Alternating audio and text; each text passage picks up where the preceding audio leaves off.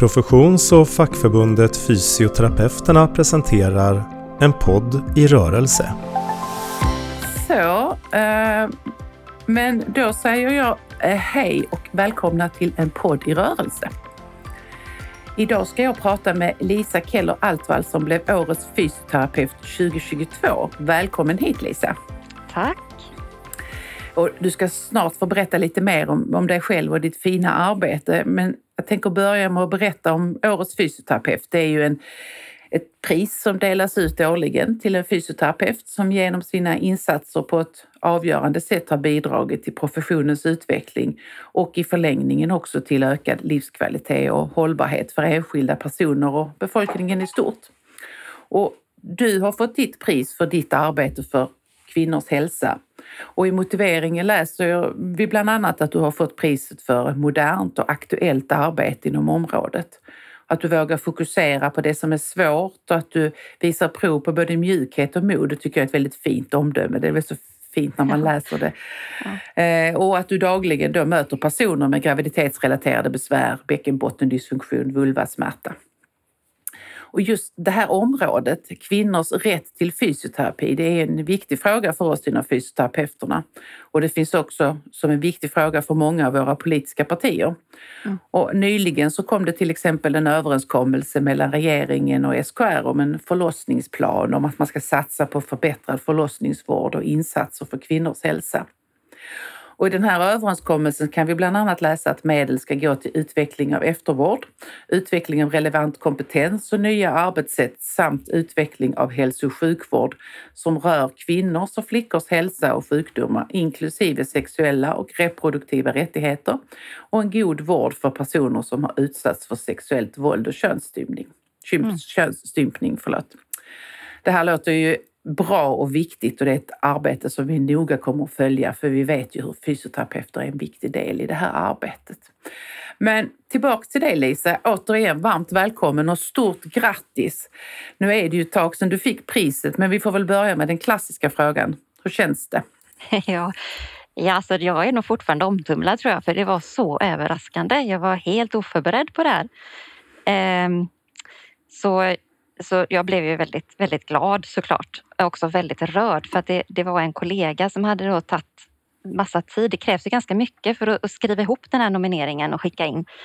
Så hon hade tagit, eh, tagit mycket tid på sin fritid och, och, lagt ner arbete på det och så. Så jag blev jätterörd och att bli sedd på det sättet. Mm, mm. Berätta lite grann om var du befinner dig. Du, är från, du jobbar på västkusten. Eh, ja. berätta lite om liksom jag din setting på, så att säga. Ja, jag jobbar på en eh, Närhälsan Angered eh, rehabmottagning och Angered är en förort till Göteborg. Eh, så här har vi ju eh, människor från, från hela världen kan man säga. Eh, och också ja, alla, alla sorter. Mm. mm. Eh, och här har jag jobbat i 13 år, drygt 13 och ett halvt faktiskt. Eh, inom många olika områden. vanlig mottagning men också då kvinnohälsa sedan 12 år tillbaka. Och det har tagit eh, eh, mer och mer utrymme. Så de sista åren har jag nog haft det på heltid nästan. Mm. Mm. Vilken, eh, för mig som är lite oinsatt, vilken vårdnivå? Är det primärvård? Det är primärvård, är? precis. Ja. Mm. Primärvårds rehabmottagning. Mm. mm. Hur stor är verksamheten? Hur många är ni som jobbar tillsammans? Vi är runt 50 med alltså, fysioterapeuter, arbetsterapeuter, en logoped, dietist, receptionspersonal, chef. Mm. Så en ganska stor enhet då? Ganska stor enhet, en ja. väldigt stor enhet och vi har också vissa utlånade till projekt och jobbar i så här, eh, hälsoteket heter det. Eh, eh, ja, som har med folkhälsa att göra. Mm. Mm. Så, och så på vårdcentraler har vi också så här, mottagningsarbete. Mm. Samarbete. Vet, vet, du hur stort upptagningsområde ni har? Hur många som är Det kan jag inte svara på på rak arm faktiskt. Nej. Eh, men gå tillbaks lite grann till det här till varför du har fått priset. Du har ju fått det för ditt arbete inom kvinnors hälsa och jag läste lite eh, några utdrag från motiveringen. Det här är ju verkligen ett växande område för oss fysioterapeuter. Vi ser ju att det är fler och fler som blir intresserade av att arbeta inom området. Vad var det som fick dig intresserad av området? jag tror att det började när jag jobbade på förlossningen för länge, länge sedan, eh, vilket var fantastiskt att få göra. Eh, och då var jag väl inne på att bli barnmorska. Mm. Eh, men av olika anledningar så blev jag aldrig det. men jag har alltid haft intresset av, av just kvinnors hälsa. Och sen så har jag också alltid varit intresserad av att få ihop det här med, med fysiskt och psykiskt och kropp och själ och helhetstänk och friskvård och sjukvård och se resurser och, och stärka det friska eh, samtidigt som man behandlar besvär. Och då är ju fysioterapi eh, jättebra, för det inkluderar allt det. Så då hamnade jag där Mm. och det är jag väldigt glad för faktiskt. Mm. Trivs bra med det. Mm. Mm. Jag tänker också att du... Eh, jag, läste artikeln om det i vår tidning och då eh, står det bland annat det här att du vågar ställa frågan om våld till exempel. Jag har varit i sammanhang där man tycker att det är man tycker det är lite jobbigt att ställa frågan om fysisk aktivitet, Mm. vilket jag har jättesvårt att förstå. Hur skulle det kunna vara jobbigt? Och, och då tänker jag att ställa en fråga om våld och sexuella övergrepp och så Mm. borde ju vara ännu svårare. Mm. Så vad, hur tänker du kring det? Ja, det är, det är svårt i början. Eh, och nu, det finns ju riktlinjer att vi ska göra det, för tyvärr är det ju oerhört många som blir utsatta. Eh, fler än man tror och man kan inte riktigt se det utanpå oftast. Eh, så då, då har vi som jobbar med det, vi är en grupp här som, som också jobbar med utveckling kring det. Eh, vi har alla den erfarenheten av att det är, det är lättare om man frågar på rutin, att man har som, som rutin att fråga alla. Mm. Eh, för, för dels så blir vi ju bra på det vi tränar, som vi Mm. vet. Eh, och dels så, så exkluderar man inte någon. Och så Nej. om man säger det så känns det också okej. ja men här är det så här, vi frågar alla, för, så man, förklarar man varför. För att det är vanligt, det sätter spår i kroppen, det påverkar oss på olika sätt. Och man ska veta att man kan få hjälp. Och då behöver man ju stöd i det eh, i början så att man vet eh, dels får exempel på hur man kan fråga och vad ska man göra med svaret. Mm. Eh, och det har vi ju kontinuerligt här på arbetsplatsen så tar jag upp det och har lite liksom utbildning i det. Mm. Mm. Och sen är det jobbet i början. Men, så jag behöver ju först också eh, ha eh, tagit hand om mig själv och, och sett, för att det kan ju hända faktiskt, eftersom det är överallt så är det även på arbetsplatser och det tänker Mm. man inte alltid på. Så man behöver vara varsam och ta hjälp och så behöver man också eh, kanske ha jobbat lite med sig själv så att man förstår reaktionerna som kommer så jag känner mig trygg. Mm. Och sen är det bara att börja och öva på det helt enkelt och så få Mm. handledning Mm. Mm. och skapa förtroende. Och ha, det här, ha ett gott bemötande är oerhört viktigt. Mm. Mm. Att eh, alla känner sig respektfullt bemötta och lika, med, med lika värde och att man inte, inte har eh, förutfattade meningar eller så. Mm. Mm. Eh, och har man den, eh, den ingången så har jag aldrig märkt att någon har reagerat negativt. De flesta förstår varför man frågar och blir glada att man, att man frågar eller så reagerar de inte så mycket alls. Och är det så att man absolut inte vill svara så gör man inte det. Men då behöver man ju få frågan flera gånger. Mm. Mm. För det, är, det påverkar ofta och det, jag har ju träffat eh, personer som har sökt eh, om och om igen och aldrig blir bra. Eh, och, så, och så har jag då, när de har kommit till mig första gången, så har jag frågat och så visar det sig att då är de utsatta för våld. Eh, och så har jag hjälpt dem genom det och då blir de ju till slut bra. Mm. Mm. Mm. Ja, verkligen att hitta ursprunget om man kan det. Ja, Mm. Och sen också fråga om eh, sexuell hälsa och det här som, som vi ofta skäms för. Det är ju tyvärr fortfarande så att det är mycket som är skamligt när det gäller underlivet. Mm. Och man går och lider hur länge som helst. Man vågar inte riktigt själv be om hjälp med det. Man tror inte att andra har, har lika jobbigt som en själv kanske eller att det finns, att det är så vanligt. Så då, om, om jag då eh, känner mig trygg med det så skapar ju det också förtroende och så vågar man berätta och så får man hjälp. Mm. Mm. Såklart. Mm. Det är jättebra. Men jag tänker också på, tillbaka till det här med att ställa frågan om våld. Det, det måste också vara ganska viktigt med vad ska jag säga, det strukturen och det stödet man har runt omkring sig som Mm. vårdgivare. Mm. Att du känner att du är inte ensam i det här utan du vet liksom var du kan jag får, vissa saker kan vi göra men ibland behöver Mm. vi stöd från andra Mm. professioner tänker jag. Mm, absolut. Och då har vi kontaktuppgifter och vi har eh, ja, olika telefonnummer och att hänvisa till. Och, och ofta, så jag följer ju alltid upp det också. Och, och det, det vanligaste är att, att de berättar att det har hänt för länge sedan. Mm. Men då är det också oftast väldigt eh, lyckosamt om man går i, i terapi och i fysioterapi samtidigt. Det blir en bra kombo. Mm. Och vissa har ju säger att de har ju gått till psykolog länge kanske och bearbetat i huvudet men, men reaktionerna i kroppen är ju kvar. Och man glömmer ofta det. Mm. Och det, det märks också nu när de dragit in på psykiatrin. Eh, att det är färre fysioterapeuter där. Eh, då får vi mer, eh, mer personer med psykisk ohälsa. Mm. Och alla behöver ju hjälp med det som sitter i kroppen för att Mm. må bra. Mm. Eftersom kroppen är ju det vi bor i livet ut. Det är den längsta relationen vi har med oss själva. Mm. Eh, så att, att bli vän med den och hitta hem i den eh, är ju en förutsättning liksom för att man ska må bra för övrigt också. Mm. Mm.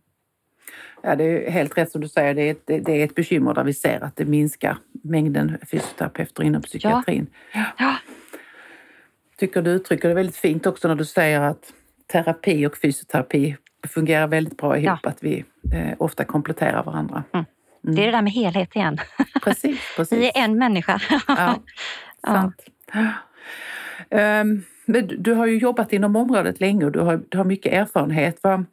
utifrån där du befinner dig och de erfarenheter du har, vad ser du? Eh, jag tänker fråga om svårigheter och vad är det liksom som är stimulerande i arbetet och så, så. Om du ville börja med att berätta kanske lite grann om vilka svårigheter upplever du? Ja, eh, svårigheterna kan ju vara eh, dels eh, om, om man har eh, många problem som har pågått en längre tid eh, och se var ska man börja någonstans. Eh, och också är det ju många då som har sökt och inte hamnat rätt eller mött vårdpersonal som inte har förstått och säger att det är inget fel på dig eller det händer ju ofta inom, inom kvinnohälsoområdet tyvärr. Det var en eh, debattartikel nyligen här av- några gynekologer som nämnde samma sak. Att, ja, det, det, inom, inom vissa delar så är det för lite kunskap kring det här och då, Mm. då när man söker och inte blir trodd och inte sedd eh, så, så lagras det ju på. Eh, Ens besvär blir värre. Oron blir större och, och, eh, och man mår mycket sämre. Och då när det har pågått många år så blir, ju, så blir det ju mycket större än, där, än det var från början och, och mer att behandla. Och, och ofta har de då också tappat förtroendet lite grann för vården. Så Mm. det är en svårighet eh, för att eh, det blir mycket mer komplext. Eh, men där kan man ju göra jättemycket. En annan svårighet kan ju vara eh, ja, men just att de här bristerna i vården, att det blir sån eh, att det är tidspress, att det är långa köer, att man inte hinner fram, att man får vänta länge. Eh, det blir liksom glapp i vårdkedjan och det orsakar också jättemycket lidande i onödan och Mm. jättestora onödiga kostnader, tänker jag. Mm. Så det är frustrerande ibland. Ja, det kan jag tänka. Jättefrustrerande, för man vet hur bra det skulle kunna funka.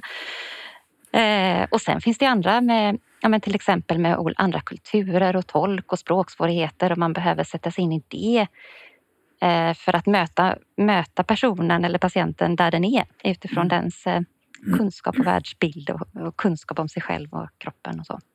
Vilket kan vara väldigt varierande. Mm. Mm. Ja. Det är Mm. några av svårigheterna. Några av svårigheterna, ja. Jag tänker också att det här, eh, att finnas i ett system där, man liksom, där, där det är ganska hög press på produktion. Mm. Eh, Jag har själv jobbat med patientgrupper som tar Mm. lite längre tid. Mm. Eh, Och svårigheten att då ibland liksom, att, att faktiskt tillåta sig att ta den tiden för man ser i, i slutändan att det är det som är det bästa jag kan göra här och nu. Ja. Verkligen. Alltså det här med produktionssystem när det gäller att behandla människor, det, det är helt galet. Mm. Faktiskt, måste jag säga. Mm. Och det skapar stress hos alla som jobbar med det. Och det skapar, det är inga bra förutsättningar för en god behandling heller. Eh, så att det önskar jag att man tog bort. Mm. Mm. om jag ska vara helt ärlig. Eh, och sen det här att ja, men om man då, som vi har ett produktionssystem med där man får poäng och så får man samma poäng för svår psykisk ohälsa och en lätt stukad fot. Det säger, ju, säger sig självt att det tar olika lång tid. Mm. Mm. Så ska man ha poängsystem så får det åtminstone vara rimligt. Ja. Eh, men det är det ju inte alls. Nej, jag håller helt med dig. Och att, och att man också värderas på, på kvalitet eller utfall. Att det inte bara handlar om mängden patienter man träffar utan att det finns andra aspekter som Ja, bidrar i. verkligen. Ja. Mm. Och det här med kvalitet, så får man tid och utrymme att göra ordentligt från början så sparar man ju massa lidande för patienten och Mm. kostnader för samhället. Mm. För att det blir färre vårdkontakter under kortare tid. Eh, så att det, ja, jag förstår inte att man inte gör något åt det.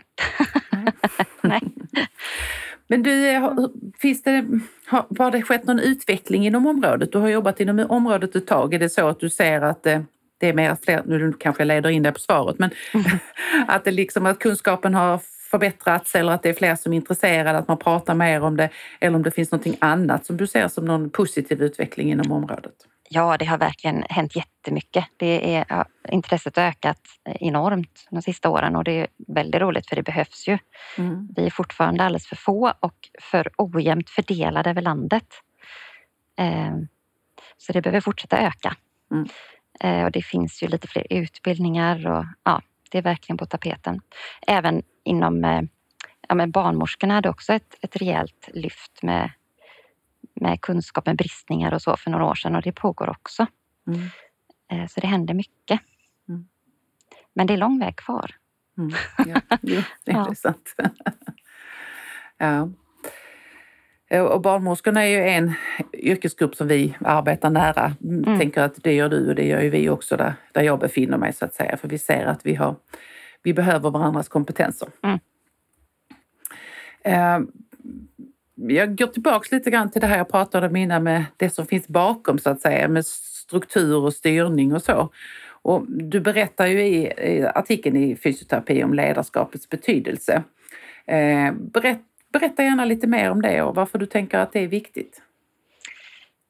Ja, men alltså om jag har en eh, chef eller ledare som ser mig och stöttar mig och skapar förutsättningar för att jag ska kunna jobba som den bästa versionen av mig själv, då gör jag ett mycket bättre jobb. Mm. Eh, och jag känner, jag får självkänsla, självförtroende, man får mer lust och energi. och eh, det påverkar ju patienterna såklart. Och det gör också att eh, det blir en, god atmosfär på arbetsplatsen så medarbetarna funkar bättre ihop. Och det märker patienterna av. Så det blir så positiva ringar eh, på vattnet som, eh, ja, men som verkligen leder framåt. Eh, och det tror jag alla håller med om egentligen om man tänker efter. Eh, att om man, om man har det så går det ju mycket bättre. Om man har en, en, eh, en chef som uppmuntrar en och, och som tror på ens kompetens. Mm, mm, Så man känner den här tilliten. mm, mm. Du har också pratat om vikten av handledning. Mm. Och, och jag tänker också på den här arbetsplatsen där du befinner dig så är ni ganska många. Eh, hur eh, jobbar ni tillsammans? Jag tänker med reflektion eller samtal och så. Det gör vi. Eh, det har vi lite utrymme för och vi har också lite eh, små handledningsgrupper och sen så har man möjlighet till eh, också handledning i en, i en utanför liksom, med en extern handledare. Med, med, eh, och då, jag har till exempel också kombinerat med kroppskännedom Mm. så att man också får ta hand om sig själv, Mm. stämma sitt instrument för att kunna fungera bra. Mm, mm. Ja, för just det där, vi, vi pratar ju mycket om det när man kommer ut som ny i yrkeslivet eller som ny på en arbetsplats. Båda de här delarna, hur viktigt det är att man har, eh, att dels att man får en introduktion på arbetsplatsen som är, Mm. är bra, Mm. men också att man kanske får en mentor eller att man har möjlighet att, att lära av varandra och tillsammans med varandra just genom, som du säger, handledargrupper eller reflektion. Mm. Eh, hur viktigt det är. Ja, och det har vi här. Det har vi ett system för så alla nya får en, en mentor, en fadder. Eh, ja, det är jätteviktigt. Och eftersom man jobbar med, med människor och ganska svåra saker så behöver man ju det. För att, Ja. Dels för att orka och dels för att utvecklas och komma vidare och, och, och få hjälp med svåra fall och, Mm. Ja. Ja, nej, jag tror det är jätteviktigt för du kommer du har med dig hela smörgåsbordet i, i, Mm. i, bakom huvudet eller i, Mm. i kroppen när du Mm. kommer ut från utbildningen och att, att då få hjälp att sortera och reflektera Mm. tror jag är väldigt viktigt. Mm. Ja, vi, jag råkar veta att ni i er region har ett nätverk för fysioterapeuter som arbetar inom kvinnors hälsa. Mm. Och jag har förstår att det är också något som har funnits ett tag. Ja. Berätta lite mer om det. ja, men det har funnits väldigt länge. Jag kom med i det kanske för då 12 år sedan drygt och då var det ganska litet. Jag tror att det fanns innan dess. Jag har inte riktigt koll på när det började faktiskt. Men, men eh, då var vi, jag vet inte hur många, men det kändes när vi såg så var vi kanske en 15 stycken. Mm. Och alltid några som inte kunde. Och då sågs vi en gång per termin. Eh, och då kunde vi åka runt hos varandra för vi var inte så, så stor grupp som man ansvarade för, turades om att ansvara för att, att hålla i det. Eh, och då delar man också med sig av, eh, av kunskap, svårigheter, delar patientfall, hjälpte varandra när det var klurigt, eh, berättade om nya saker som hände. Och sen tror jag att de som var erfarna redan då och eh, jobbade som eh, specialister kanske eller med på sjukhus med speciella fall, de har nog en egen grupp. Så jag tror att det fanns flera grupper också. Ja. Eh, och sen allt eftersom så växte den här gruppen. Och då för ett antal år sedan så, så blev det en lavinartad ökning. Så nu är vi nästan hundra och då kan man inte Oj. lika lätt Nej, vilken skillnad. Ja, det Ja. var verkligen skillnad och då behöver man ju strukturera om kring, kring träffarna. Så nu, nu är det en gång per år och heldag istället och så behöver det vara på någon av eh, sjukhusen ofta där de har en större lokal. Eh, Och så blir det mer att någon ansvarar och tar in föreläsare och kanske har diskussioner i smågrupper eller eh, lite workshopsaktigt. Det är lite olika beroende Mm. på de som har hand om det, vad de, hur de bestämmer. Mm. Men sen har man ju också då ett mejlnätverk så man kan ju mejla frågor och, och få hjälp där den vägen. Sen har vi haft lokalt nätverk här i, i området där jag jobbar eh, gällande framförallt inkontinenspatienter då, som det var mest av i början, eh, mellan rehab och vårdcentralerna. Eh, och då är det ju var det både barnmorskor och sjuksköterskor och en läkare och vi fysioterapeuter som eh, eh, också träffades en gång på termin. Och det höll vi på med faktiskt till det var vårdvalet som började ställa till det när alla började få så här hett om öronen med att Ja. pressa in fler och man hann inte ses och så. Och sen kom covid och så, sen rann det ut. Men det, det tror att vi ska se till att få tillbaka det igen för att det är, en, det är ju värdefullt att ses fysiskt Mm. och, och samarbeta på det sättet. Och då, då är de öppna för eh, alla, alltså med intresse av området oavsett inom eh, om det är kommunen eller regionen eller det är primärvård eller slutenvård. Vad tänker du, det nätverket vi har nu? Ja, att det är Eh, öppet för alla med det intresse stora- inom. Ja, det stora nätverket är det, de som jobbar med det. Och det är Ja. både kommun och, och landsting och privat, Mm. eh, tror jag. Mm. Eh, det, det lilla här lokalt det är ju vi som har samma patienter, eh, Ja, kan man ju. säga. Mm. Ja. Mm.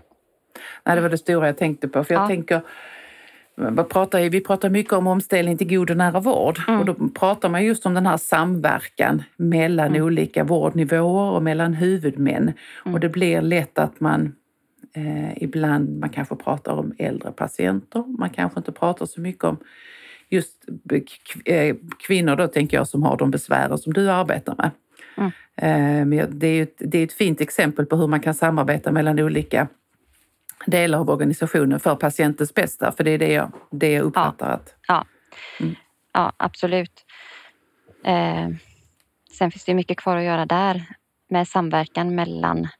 Man hade önskat att det, att det fanns team mellan gynekologer, barnmorskor och fysioterapeuter Mm. på öppenvårdsmottagningar eh, och även nä- närmare kontakt mellan professioner. Eh, både sjukhus, primärvård, ja överhuvudtaget helt enkelt. Mm. Och det är det här med att eh, man behöver se varandras kompetens, att alla är värdefulla. Att, det, att man går, går bort från det här med hierarkier och, och eh, ja, prestige. Så att man samverkar på samma plan. Ja, men det, det är ju det kan bara hålla med dig. Mm. Ja. Och att utgå från patienten och patientens behov istället Ja. för att- se liksom Ja, vilken eller hur? profession jag har med mig och vilken du har med dig. Och så. Ja. Vi behövs tillsammans. Ja, ja. Men vi har också en nätverkslista i det här sam, eh, i det här stora nätverket som, som skickas ut där det står vad alla jobbar och vad de har eh, för kompetens, alltså vilka patient, eh, patienter man tar emot eh, Mm. och vilka behandlingar man gör. Mm. Och så skickas det ut till, till eh, mottagningar och sjukhus och så, så att läkare kan, kan se och, och hänvisa. Mm. Så det är ju bra. Mm. Ja, ja, det blir ju en trygghet för, för, för dig också, eller för er också, Mm. att veta var har jag mina, var finns mina kollegor och Precis. vilka områden har de kompetens inom. Så det är bra med nätverk och det är bra med relationer. Jättebra. Jättebra. Både för profession och för patienter, tänker jag. Japp. Mm. Mm. Så mer av det. Mm.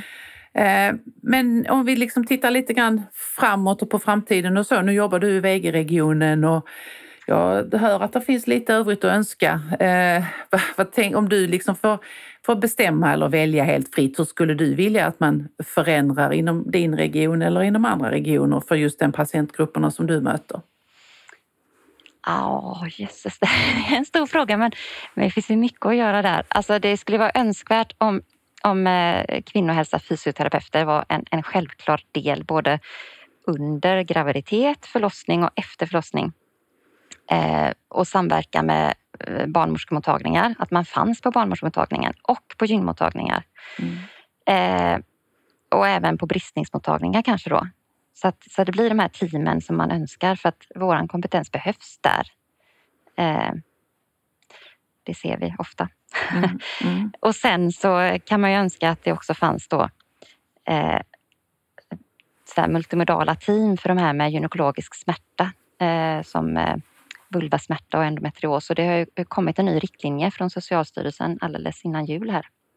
Där man har sett att, att eh, den behandlingsformen är ju, är ju det som funkar bäst Mm. helt enkelt. Och då behöver vi ju ha förutsättningar för det. Då behöver det eh, ja, finnas med eh, och utvecklas. Mm. Eh, sen kan man ju önska att vi alltid blir inkopplade eh, vid gynekologiska operationer, både före och efter. Eh, det är en självklarhet vid andra operationer som korsband och ja, alla Mm. våra leder. Men här är det inte det. Det är jättemånga som opereras. Sen kommer de och jag vet inte riktigt. Jag fick lite dåligt med information eller jag skickades hem i olika delar av Sverige då. Och så är man osäker. Och det här med underlivet är ju egentligen det är ganska tufft att bli opererad där för det, det, det, man behöver ju hantera det varje dag. Det känns lite läskigt om det inte funkar. Mm. Så det vore ju självklart att man kan få stöd där om man eh, önskar. Och att det ska vara som en, en rutin egentligen, tänker jag. Så det hade ju varit önskvärt. Eh, och vad mer? Ja, det hade varit bra om vi var med i skolan från början. Alltså det, det här med bäckenbotten, underliv och, och sexuell hälsa, man vet alldeles för lite om det. Mm. Så tänk om det hade varit en självklar post att fysioterapeuter är med i skolan och i gymnastiken och i, i aktivitet eh, och också i hur vi förhåller oss till våra kroppar.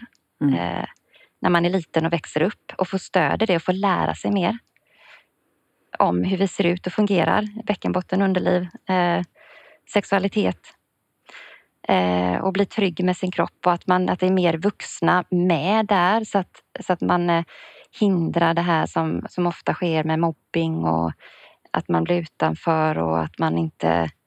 Eh, jag menar, det är så många som inte mår bra i sina kroppar. Mm. Så där kan man göra massor,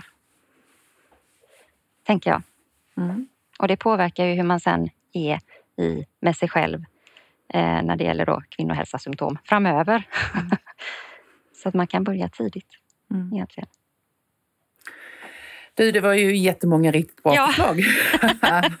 så det förebyggande och hälsofrämjande arbetet som kan påbörjas redan på skolan, Ja. eh, där vi är en viktig del i det, Mm. och teamarbetet Mm. eh, och att vi finns med i eh, vi pratar en del om det här med kvinnans livslopp, att det handlar inte bara om att kvinnan är en behållare i samband med en, en graviditet, utan att det finns faktiskt någonting som händer efteråt också. Mm.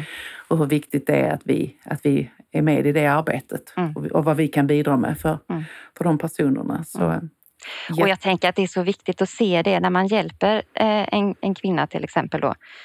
Eh, så är det inte om, det är fantastiskt om hon blir bättre och mår bra, men det ger ju också att relationerna runt henne blir Mm. bättre. Relationerna till barnen, till partnern. Så att eh, det ger sådana goda ringar på vattnet. Om man, Mm, mm. om, det är inte bara, bara en person utan det är hela hennes sammanhang och, Mm, eh, mm, som påverkas positivt. mm. Eh, Du fick ju det här priset Årets fysioterapeut i september i fjol. Ja. Eh, Och vad har du, vad har du fått för reaktioner? Har, det, har, du, har du sett att det har gjort någon skillnad när det gäller ditt arbete och det du utför på jobbet? Eh, ja, det har det. Söktrycket har ökat kan man säga. Eh, och jag gjorde ju en... Eh, eh, blev intervjuad i GP eh, som kom hit och, och, och tog reda på vad det handlade om. Och den här intervjun blev, blev ganska lång och det var eh, en helt uppslag som faktiskt lästes av, av många. Så efter det så har, har vi fått samtal från, från eh, kvinnor som har haft besvär jätte, jättelänge. Det kan vara upp till mellan 10 och 30 år har de liksom lidit i det tysta. Och så kände de att ja, men nu äntligen kanske jag vågar söka. Nu Mm. vet jag vad jag kan vända mig och sådär. Mm. Ehm, och då har jag ju träffat flera stycken då som, har, som jag har kunnat hjälpa. Eh, som har eh, sluppit det här jobbiga lidandet som också är kopplat till mycket skam och, eh, och ja, sådana svåra känslor.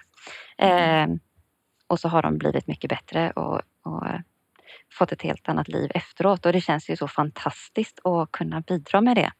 Mm. Att, eh, att människor inte behöver lida i onödan så länge. Ja, verkligen, verkligen. Men som, bara som en följdfråga, om, om man nu har besvär i det här i området så att säga, var, var börjar man ta kontakt om det nu är det att man har gått, gått i det länge och vi inte bor i, i Göteborg? Är det, liksom, är det primärvården jag börjar ta kontakt med eller? Ja, det är det som är frågan, för det är lite olika överallt i Sverige tror jag. Eh, så jag vet ju bäst hur det funkar i Västra Götaland. Eh, Och där är det Man- primärvården? ja, man borde Mm. Eh, prata med sin vårdcentral, men man kan också då vända sig till eh, en eh, kvinnohälsainriktad fysioterapeut på rehabmottagning. Men det var bra. Kvinnohälsoinriktad fysioterapeut på rehabmottagningen. Och då kan man också ställa den frågan när man tar kontakt med vårdcentralen, tänker jag. Ja, det kan man. Och vi Mm. kan ju hänvisa vidare om, om de Ja. behöver annan vård. Mm. Men vi får ofta de som söker liksom oss i första hand. Mm. Ja. Eh, tack så hemskt mycket Lisa för att jag fick prata med dig och återigen grattis till att bli årets fysioterapeut. Tack! En podd i rörelse presenterades av Fysioterapeuterna.